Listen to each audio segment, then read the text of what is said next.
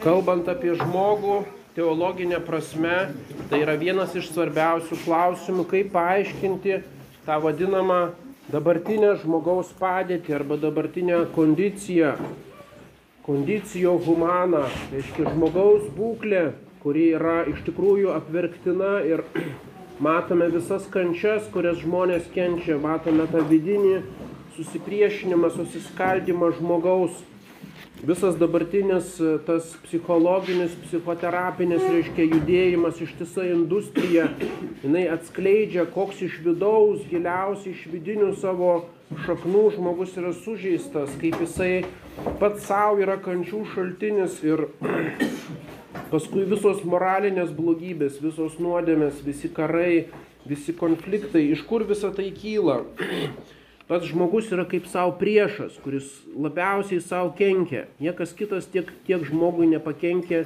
iš gamtos ar iš kažkokių gamtos gaivalų ar gyvūnai ar kažkokie istoriniai įvykiai, kiek žmogus pats savo kenkia.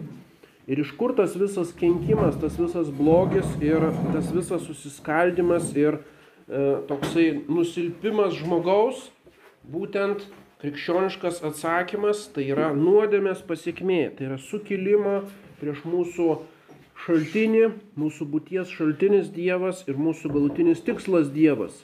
Ir jeigu aš sukylu prieš tą, iš kurio esu kilęs, ir sukylu prieš tą, kuris yra mano būties tikslas, tai nieko nuostabaus, kad tada visas mano gyvenimas, e, visas mano egzistencija, vis, visos mano pastangos ir e, mano patirtis, viskas galų gale veda į kančią, į nuodėmę ir nuosmukį.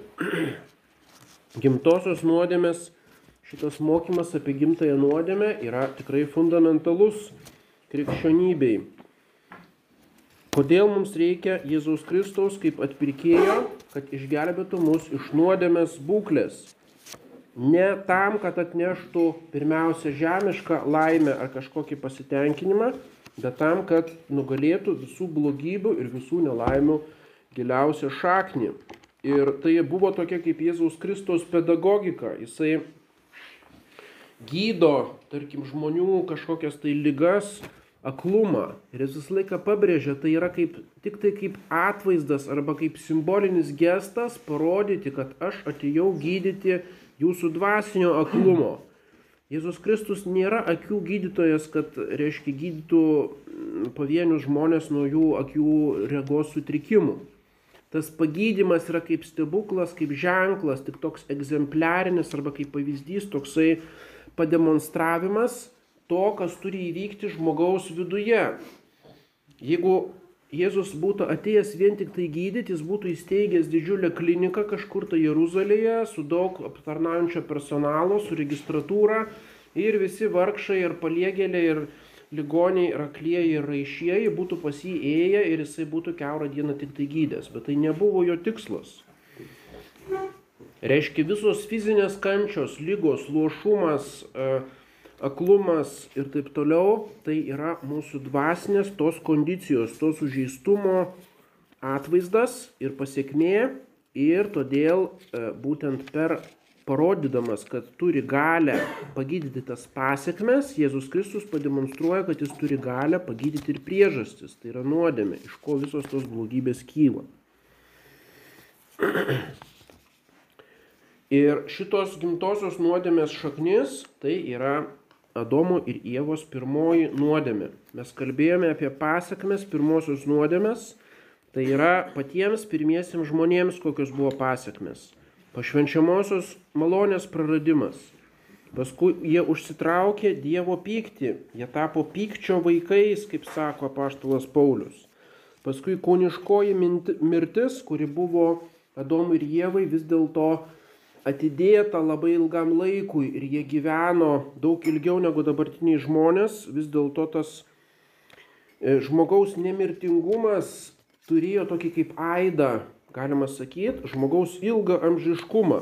Ir tik tai paskui po Nojaus tvano buvo galima sakyti, tas ilgamžiškumas pasibaigė, kaip tokia pirmųjų žmonių tokia būklė, išskirtinė būklė ir tada jau buvo apribotas žmogaus amžius iki maždaug 120 metų.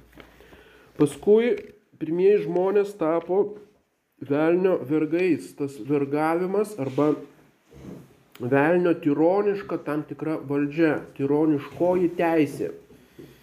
Kaip e, vergvaldys arba tironas, kuris užima svetimą miestą, okupantas, jis turi tam tikrą būtent okupavimo per savo galios pademonstravimą ir per, per patį okupavimo faktą, jis turi tam tikrą teisę į tuos žmonės ir juos tironiškai valdo.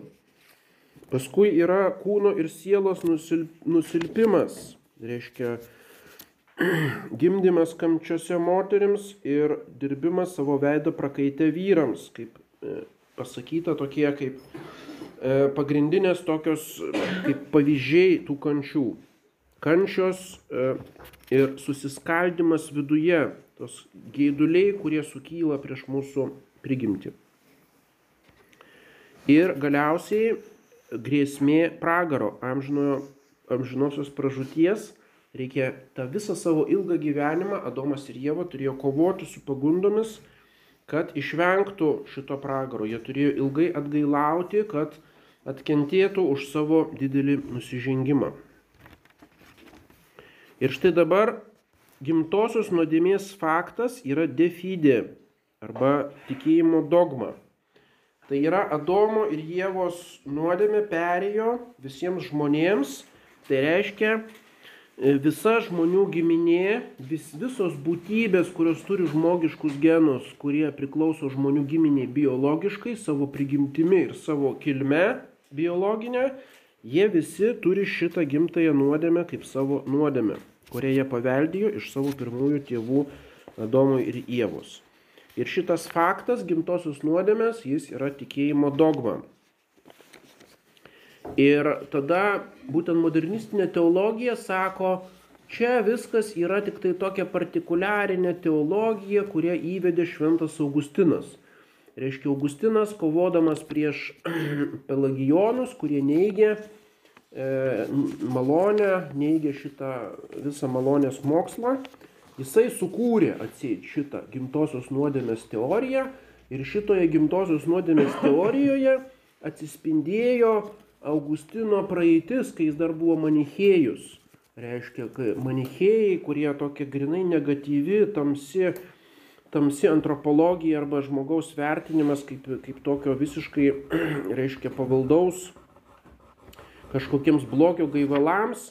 Ir reiškia, Augustinas ne iki galo atsit šitą nugalėjo ir jisai visą tą manichėjišką tokį tamsumą perkelė į šitą prigimtinė, prigimto, gimtosios nuodėmės teorija ir tada štai moko nuo Augustino laikų lotyniškoji katalikiškoji bažnyčia moko, vat, kad žmogus yra sužeistas gimtosios nuodėmės, tai yra toks pesimistinis, bloga, blogas, reiškia, žmogaus vertinimas tamsus, o reiškia iki Augustino atseit ir paskui rytų bažnyčiai bandoma išvest, kad nieko panašaus nebuvo, ten yra tokia šviesesnė antropologija, tokia optimistiškesnė.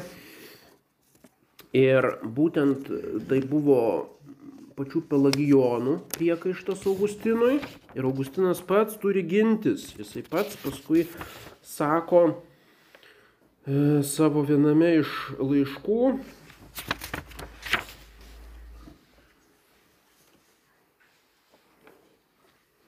Augustinas denupcija et konkupiscencija apie santoką ir geidulingumą. Ne aš išradau gimtąją nuodėmę, bet tai yra katalikiško tikėjimo e, objektas nuo pat senovės.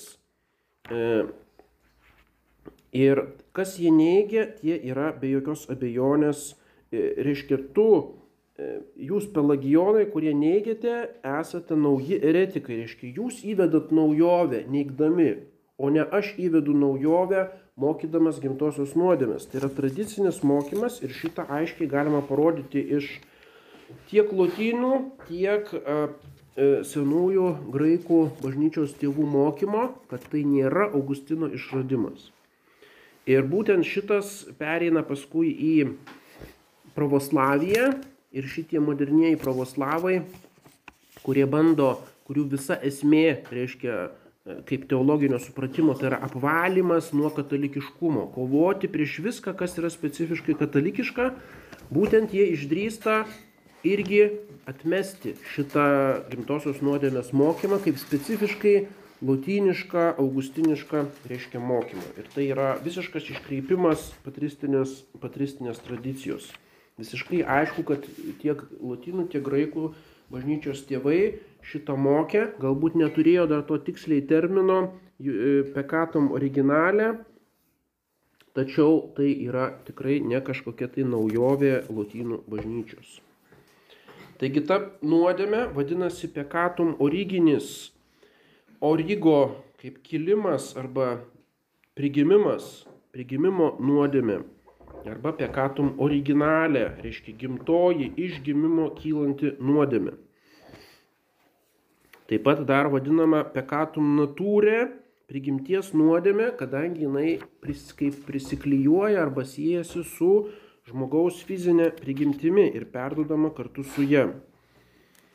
Ir e, taip pat vadinama pekatum habitualę. Habitus tai tai, ką, ką mes turim pastoviai. Reiškia, pekatum, pekatum hereditarium, reiškia kaip hereditas, kaip mūsų paveldas, ką mes paveldime, kaip iš savo e, protėvių kažkokius turtus paveldime, taip mes paveldime iš Adomo ir Jėvos šitą gimtąją nuodėmę. Taigi, kas neigia gimtąją nuodėmę, tai pirmiausia, manichėjai, kurie taip pat mato tą apgailėtiną, apverktiną žmogaus būklę, bet visas tas blogybės kildina iš materijos.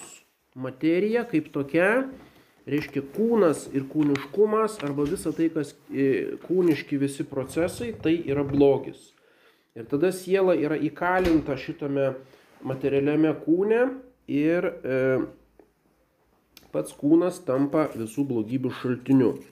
Ir tai aišku yra visiškai klaidinga, nes tai yra įžeidimas Dievui tvėrėjui, kuris yra tiek kūno, tiek sielos tvėrėjas. Jeigu uh, Dievas taip žmogų sukūrė su kūnu ir siela ir jeigu sutvėrė materiją, pačią materiją iš nieko, tai ta materija negali būti bloga. Ir uh, žinoma, nuodėmės arba gaidulingumas dažnai susiję su kūniškumu arba materialumu, bet tai yra dėl to, kad nusilpusi siela, kuri nebesukontroliuoja e, kūno arba materijos. Reiškia, ne materija kalta, o siela kalta, kad jinai nesuvaldo šitos materijos. Jeigu aš e, ką nors, reiškia, papjaunu ar sužeidžiu su peiliu, tai ne peilis tas materialus dalykas kaltas, bet mano valia, kuri tą įvį, reiškia, blogai nukreipia šitą įrankį. Lygiai taip pat visas mano kūnas turi būti pavaldus sielai, turi būti tam, tam tikrą prasme sudvasintas arba e, nukreiptas būtent sielos intencijoms. O jeigu aš pasiduodu tiems kūniškiams gaiduliams, tai ne pats kūnas dėl to kaltas arba gaiduliai kaip tokie kaip instinktai, bet būtent mano siela kalta. Tai yra sielos e, mano valios piktumas. Toliau buvo origenistai. Origenizmas, kaip sakėme, tai yra sielos preegzistencija, kad iš pradžių žmogus kaip e, samoninga individuali būtybė egzistavo grinai kaip siela. Ir tada tas grinai dvasinis žmogus, kuris buvo toks kaip praktiškai angelas, jis kažkada tai nusidėjo individualiai. Ir už bausmę jis yra įkalintas kūne. Tai reiškia irgi kūnas suprantamas grinai negatyviai kaip toksai kalėjimas. Ir reiškia siela turėjo pasilikti toje savo palaimingoje, grinai dvasinėje angeliškoje būklėje, bet jinai nusidėjo ir už tai yra įkalinama kūne. Reiškia tai, kas pagal katalikišką supratimą tai yra kažkas gero ir paties Dievo norėta, kad žmogus sudarytas iš kūno ir sielos, anotų rygenistų yra blogis, tai yra ištremimas sielos į šitą kūnišką kalėjimą. Ir tada aišku, tasai blogis kyla iš kiekvienos individualios sielos jos preegzistencijos būklėje, o ne iš Adomo ir Ievos. Reiškia, kiekviena ta atskira angeliška siela nusideda ir kiekviena už tai asmeniškai baudžiama įkūnymu. Ir tas nieko bendro nebeturi su Adomu ir Ieva. Tai aišku, kad šita originistinė teorija Ir pats origenas jos tik tai tokius kaip pradžią davė, o paskui origenizmas buvo vystomas vėliau jo, jo mokinių, buvo pasmerktas bažnyčios. Aišku, tai greuna absoliučiai visą supratimą apie žmogų ir visą išganimo tvarką.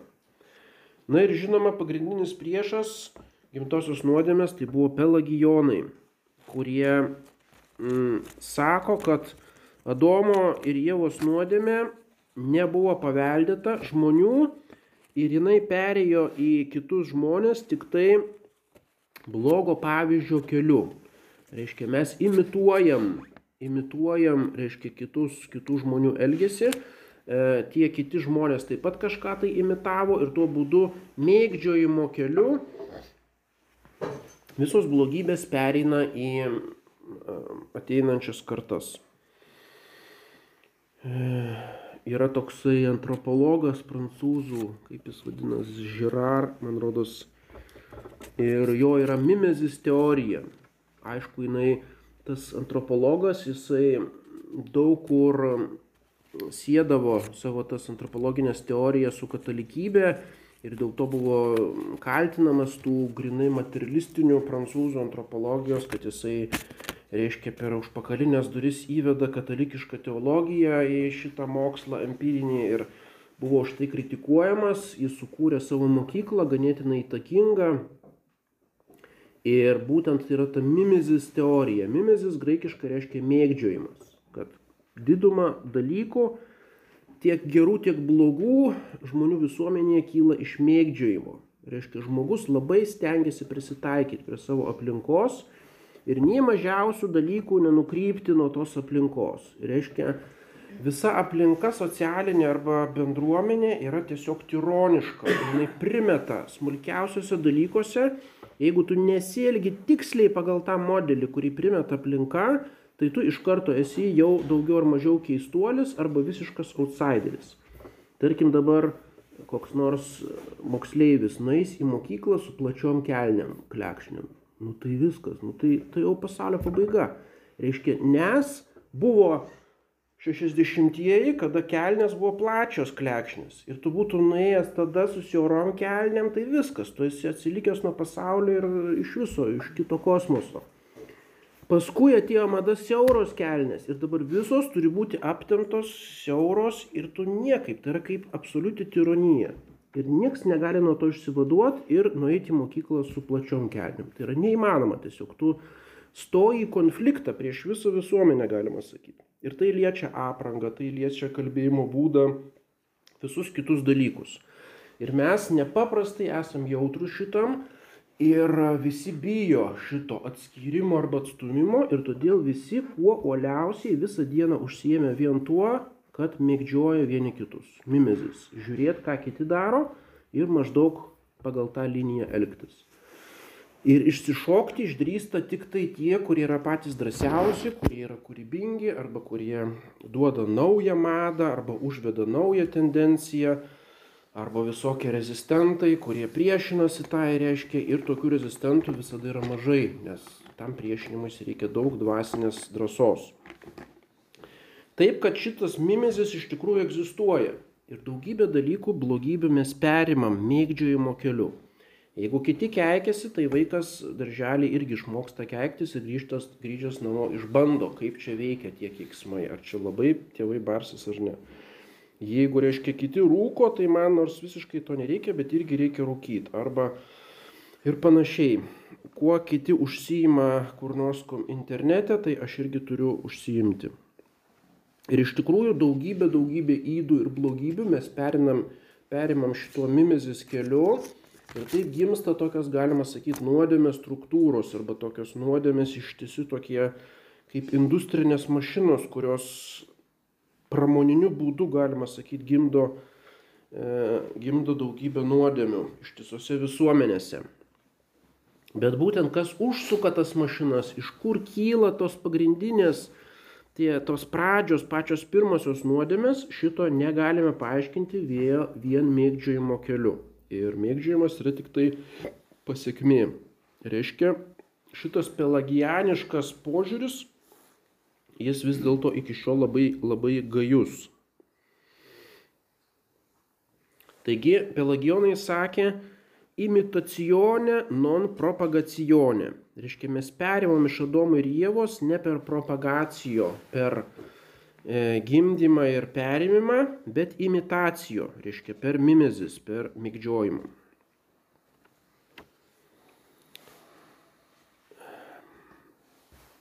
Ir štai jau 416 metais buvo Milevės sinodas ir paskui 418 metai Kartaginos sinodai. Tie sinodai Šiaurės Afrikoje buvo nepaprastai įtakingi ir būtent jie pasmerkė pelagianizmo ištisas e, daugybę klaidų ir tarp jų e, būtent gimtosios nuodėmės neįgymą. Tai buvo pirmieji tokie bažnyčios mokymo aktai, kurie patvirtino gimtąją nuodėmę.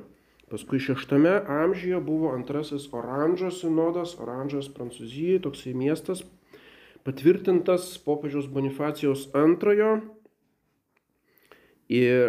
kuris būtent kaip dogma paskelbė, kad per Adomo, per Adomo nuodėmę atėjo žmonijai ne tik tai kūniška mirtis, kuris yra tik tai bausmė už nuodėmės, bet ir pati nuodėmė, kuri yra sielos mirtis. Ir jinai perėjo į visą žmonių giminę. Tai yra šešta, šeštas amžius, reiškia iškilmingas bažnyčios patvirtinimas, kuris vėliau buvo pakartotas Tridento susirinkimo. Ir štai Senajame testamente mes randame tik tai užuominas.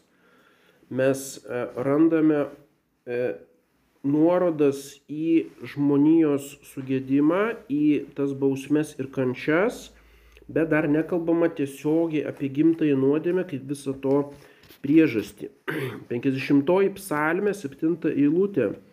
Štai aš esu pradėtas e, kaltėje ir nuodėmėje mane pagimdė mano motina. Reiškia, 50 psalmė aiškiai kalba, kad aš Gimęs esu su kulpa, su kalte, et in pekato konšipit me mater mėje nuodėmėje pradėjo mane mano motina. Tai yra ne motinos nuodėmė mane pradedant, bet būtent jau pačiu pradėjimu aš perėmiau, galima šit, sakyti, esu kaip įtvirtintas šitoje nuodėmėje. E, toliau Jobo knyga 14 skyrius e, yra iš septogintos eilutė, kas yra, kas gali būti laikomas nesuteptų. Nėra tokio nei vieno, net jeigu jis būtų gyvenęs vieną dieną šitoje žemėje. Nėra nei vieno nesutepto. Visi esam sutepti šitos nuodėmės, net jeigu tu žemėje pragyvenai tik tai vieną dieną. Pagrindinė vieta, kuria remiasi ir Augustinas, ir būtent katalikiška teologija, tai yra laiškas romiečiams penktas skyrius. Romiečiams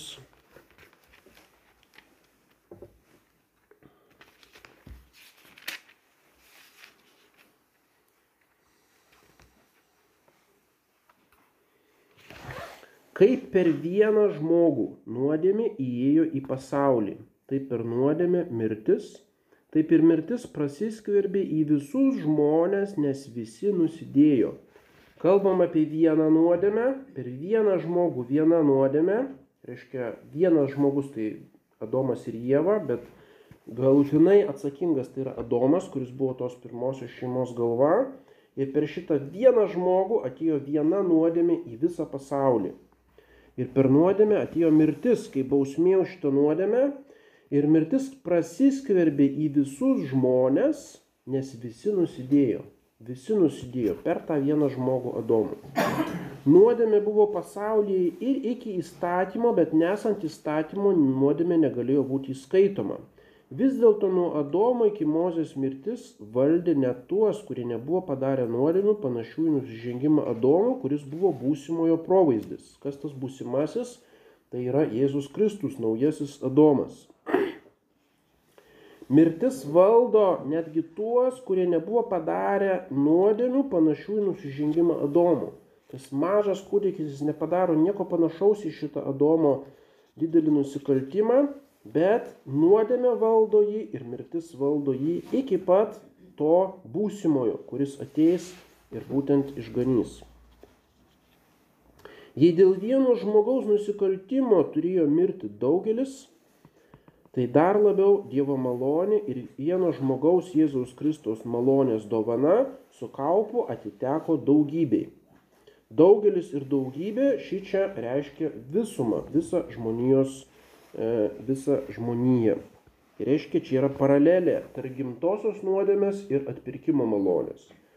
Reiškia, gimtoji nuodėmė yra, galima sakyti, kaip anti-atpirkimas, anti-išganimas, o išganimas yra kaip anti-nuodėmė. Ir tai yra taip kaip susikoncentravęs visas blogis, kuris yra žmonėse toje gimtoje nuodėmėje, taip visas gėris, kuris paskui kyla ir visas amžinasis gyvenimas susikoncentravęs toje vienoje atpirkimo malonėje, kurią pelnė vienas žmogus Jėzus Kristus savo kančia ant kryžiaus. Ne, dovana nėra tas pats, yra ne tas pats, kas vieno nuodėmė, juk teismas virto pasmirkimu dėl vieno kalties, o malonė iš daugybės nusikaltimų atvedė iki nuteisinimo. Jei dėl vieno žmogaus nusikaltimo mirtis įsiviešpatavo per tą vieną, tai nepalyginti labiau tie, kurie su perteklium gauna malonės bei teisumo dovaną, viešpataus gyvenime per vieną Jėzų Kristų. Taigi apaštalas Paulius lyg tarp kitko kalba apie tą gimtąją nuodėmę, nes jo esminis punktas tai yra vienumas, tas žodis vienas. Jis nori pabrėžti romiečiams, kad nėra per nieką kitą išganimo, tik tai per Jėzų Kristų. Jėzus Kristus vienintelis išganytojas, reiškia visas tas malonių srautas iš Dievo, galima sakyti, kaip ir butelio kaklelį mums patenka tik tai šitų vienu kanalu. Jis yra absoliučiai vienintelis mediator dei et hominum, tarpininkas tarp Dievo ir žmonių. Ir per šitą Senojo testamento įstatymo laikymasi ar per kažkokius kitus būdus, jokiais būdais ir jokiais keliais žmonės negali gauti malonės išganimo. Tai nori pabrėžti paštalas Paulius ir todėl pabrėžė, kaip buvo vienas Adomas, taip yra vienas Jėzus Kristus. Ir būtent šitame Adome, latiniškai in quo omnes pekaverunt, kuriame visi nusidėjo. Būtent yra visų, visose žmonėse esančios gimtosios nuodėmės e, priežastis. Taigi į pasaulį per Adomą atėjo nuodėmė. Ne kažkokios nuodėmės tik tai pasiekmes. Ne tik tai mirtis kaip, nuodėmė, kaip nuodėmės bausmė. Ne tik tai geidulingumas kažkoks, e, kaip reiškia pajautimas tos nuodėmės. Bet pati nuodėmė kaip sukilimas prieš Dievą, kaip Dievo malonės praradimas. Reiškia nuodėmė pačia savo esme kaip atskyrimas nuo mūsų galutinio tikslo, būtent yra gimtoji nuodėmė. Reiškia, jeigu sakom, kad gimtoji nuodėmė yra nuodėmė, tai tikrąją prasme šito žodžio, o ne kažkokia tai išplėstinė.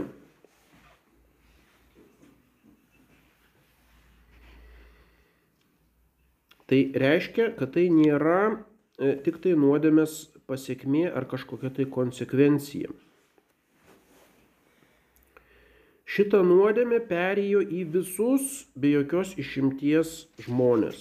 Inko omnes pekaverunt. Jame visi nusidėjo. Kiekviena būtybė, kuri tik tai pradedama iššiose, kuri galbūt net nesusiformuos į atskirą žmogų, negims, jau jinai nuo pat savo pradžios, jeigu tai yra žmogiški genai, tai yra žmogiškas organizmas, per pačią tą fizinį arba natūros perėmimą, prigimties perėmimą, jau jisai yra suteptas, jis yra nešvarus, jis yra priešiškas Dievui, jis yra konflikte su Dievu. Ir būtent, nes jame yra šita gimtoji nuodėmė. Iš mirties visuotinumo taip pat galime išvesti nuodėmės visuotinumą. Jeigu visi turime mirti, Ir niekas, net tie, kurie galėjo būti apsaugoti nuo mirties, net pats Jėzus Kristus neapsaugojo savęs nuo mirimo fakto ir taip pat savo motinos neapsaugojo nuo mirimo, pačių švenčiausių, reiškia, asmenų, reiškia mirtis kaip toksai dėsnis, visuotinumas mirties tai reiškia yra ir tos mirties priežasties visuotinumas, reiškia gimtoji nuodėmė.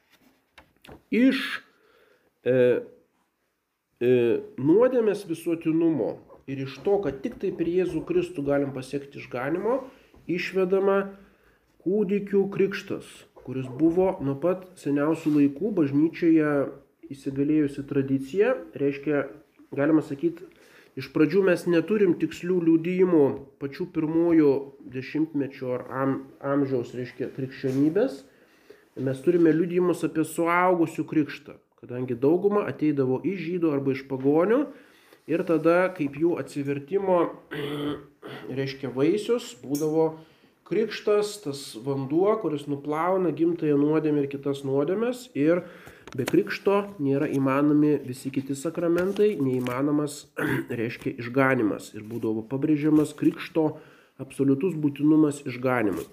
Ir paskui tie pirmieji krikščionės atsiverti ir pakrikštyti, aišku, jie turi ir savo vaikus.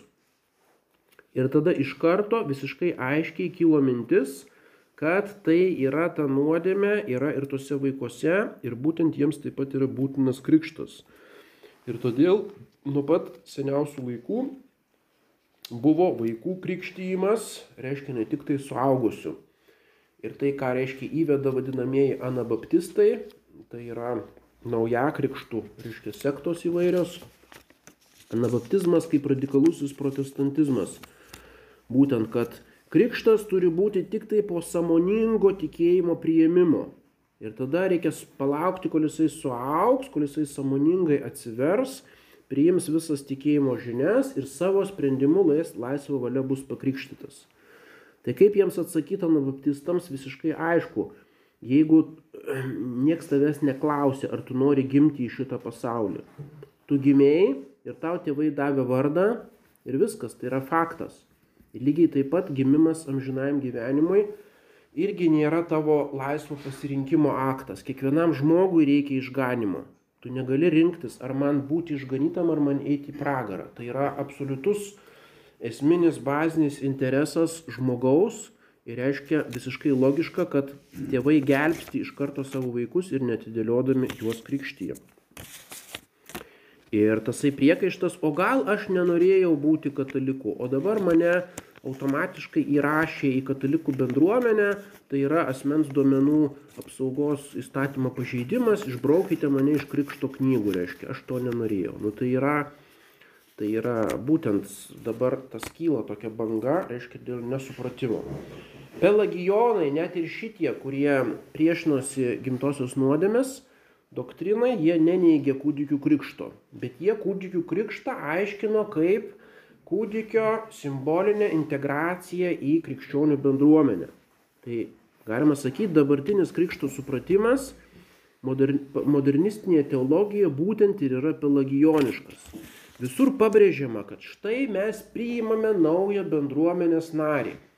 Jau reiškia, kur nors katechezėse arba pačiam krikšto pėgose jau niekur beveik nebeišgirsit apie gimtąją nuodėmę, kad čia mes tą vaikelį gelbėjom nuo velnio žabangų ir reiškia reikia egzorcizmo, visi egzorcizmai panaikinti, viską, kas nemalonu modernaus žmogaus ausiai, viskas išbraukta.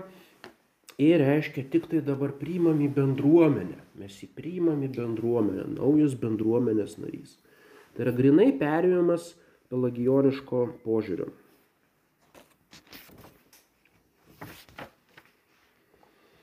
Taigi jau Irenėjus, vienas iš pirmųjų bažnyčios tėvų, rašo, Dievą pirmąją, pirmiausia Adome įžeidėme. Reiškia, mes įžeidėme Dievą Adome pačioje pradžioje. Dar nedarydami jo paties, reiškia, nevykdydami jo įsakymų.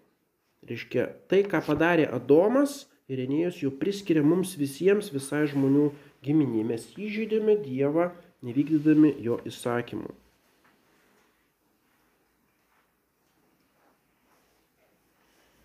Ne kažkam tai kitam, ne, ne kažko tai kito mes tapome skolininkais, bet to, kurio įsakymą mes peržengime nuo pat pradžių.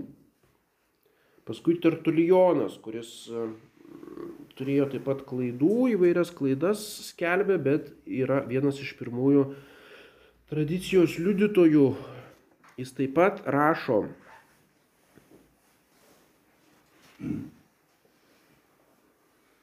kiekviena siela mm, priklauso Adomui tol, kol netaps priklausoma Kristui. In Adam cenzėtur, donekin Kristo recenzėjatur. Reiškia, kaip cenzus, kaip mokestis arba kaip priklausimas, reiškia pri, priskaitimas. Kiekviena siela priskaitoma Adomui, tol kol nebus iš naujo priskaityta recenzijatų, recenzija Kristui, naujajam Adomui.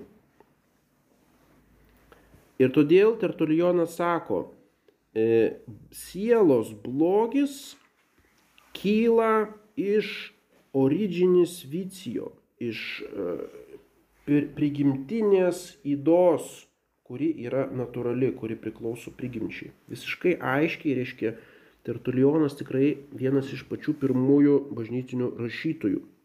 Taigi negalim sakyti, kad čia Augustino tik tai laikų ketvirtas amžius.